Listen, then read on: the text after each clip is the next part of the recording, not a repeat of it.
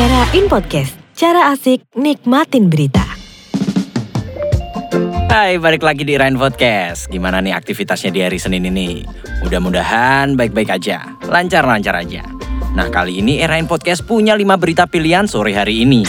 Era.id Berita yang pertama nih, Jackmania minta kasus pengeroyokan supporter diusut tuntas. Berita Megapolitan. Dewan Penasihat Klub Sepak Bola Persija Jakarta, Richard Ahmad Suprianto, mengecam keras aksi pengeroyokan yang mengakibatkan seorang supporter Jackmania meninggal dunia. Dirinya berharap nih, kasus ini dapat segera diusut tuntas. Amin. Richard pun melanjutkan, pihaknya dan Forum Komunikasi Supporter Indonesia akan mengawal kasus pengeroyokan ini hingga selesai. FYI nih ya, insiden pengeroyokan terjadi saat laga Persib kontra Persija akan dilaksanakan di GBLA Bandung. Polisi juga sudah menahan 10 orang yang diduga terkait aksi pengeroyokan terhadap Haringga dan terus mendalami tindakan kriminal tersebut. Sementara video pengeroyokan ini udah beredar nih di media sosial baik Facebook, Twitter, dan Instagram. Lanjut berita yang kedua. Kementerian PUPR jatahkan 10% CPNS bagi lulusan cum laude. Berita Nasional. Kementerian Pekerjaan Umum dan Perumahan Rakyat atau yang disingkat dengan PUPR mengumumkan perekrutan 1000 formasi calon pegawai negeri sipil yang akan ditempatkan di unit-unit kerja yang tersebar di seluruh wilayah Indonesia. Sekretaris Jenderal Kementerian PUPR, Anita Firmanti menjelaskan, dari total 1000 formasi itu, sebanyak 760 formasi merupakan formasi umum, 100 formasi untuk lulusan terbaik atau cum laude, dan masing-masing sebanyak 20 formasi untuk formasi disabilitas dan putra-putri terbaik Papua. Lanjut berita yang ketiga. Catat nih, nggak semua pihak boleh sumbang dana kampanye. Berita Nasional.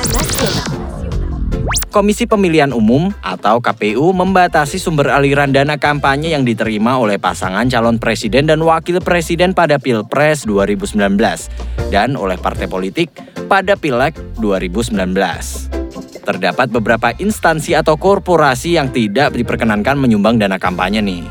Komisioner KPU Pramono Ubaid Tantowi bilang, perseorangan yang identitasnya nggak lengkap juga dilarang menyumbang dana kampanye. FYI nih ya, dana kampanye yang bisa disumbangkan dari setiap pihak udah diatur besarannya dalam pasal 327 ayat 1 dan 2 Undang-Undang Nomor 7 Tahun 2017 tentang Pemilu. Lanjut berita yang keempat, KPU kaji ulang usulan debat Sandiaga Uno. Berita Nasional.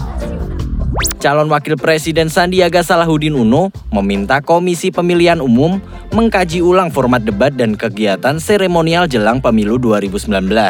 Menanggapi hal tersebut, Komisioner KPU RI Pramono Ubay Tantowi menyebut, rumusan penyelenggaraan debat Capres dan Cawapres harus didiskusikan terlebih dahulu ke semua pihak, yakni KPU selaku penyelenggara dan kedua pasangan calon peserta pemilu Presiden 2019.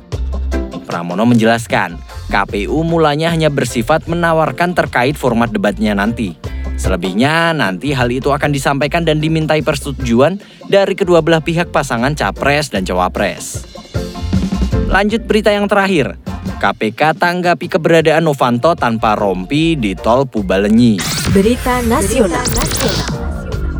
Media sosial dihebohkan nih dengan adanya foto Setia Novanto yang disebut-sebut berada di rest area kilometer 97 tol Purbalenyi.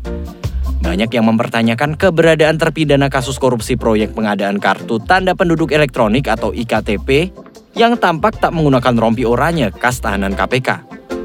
Saat dikonfirmasi era.id nih, juru bicara KPK Febri Diansyah angkat bicara.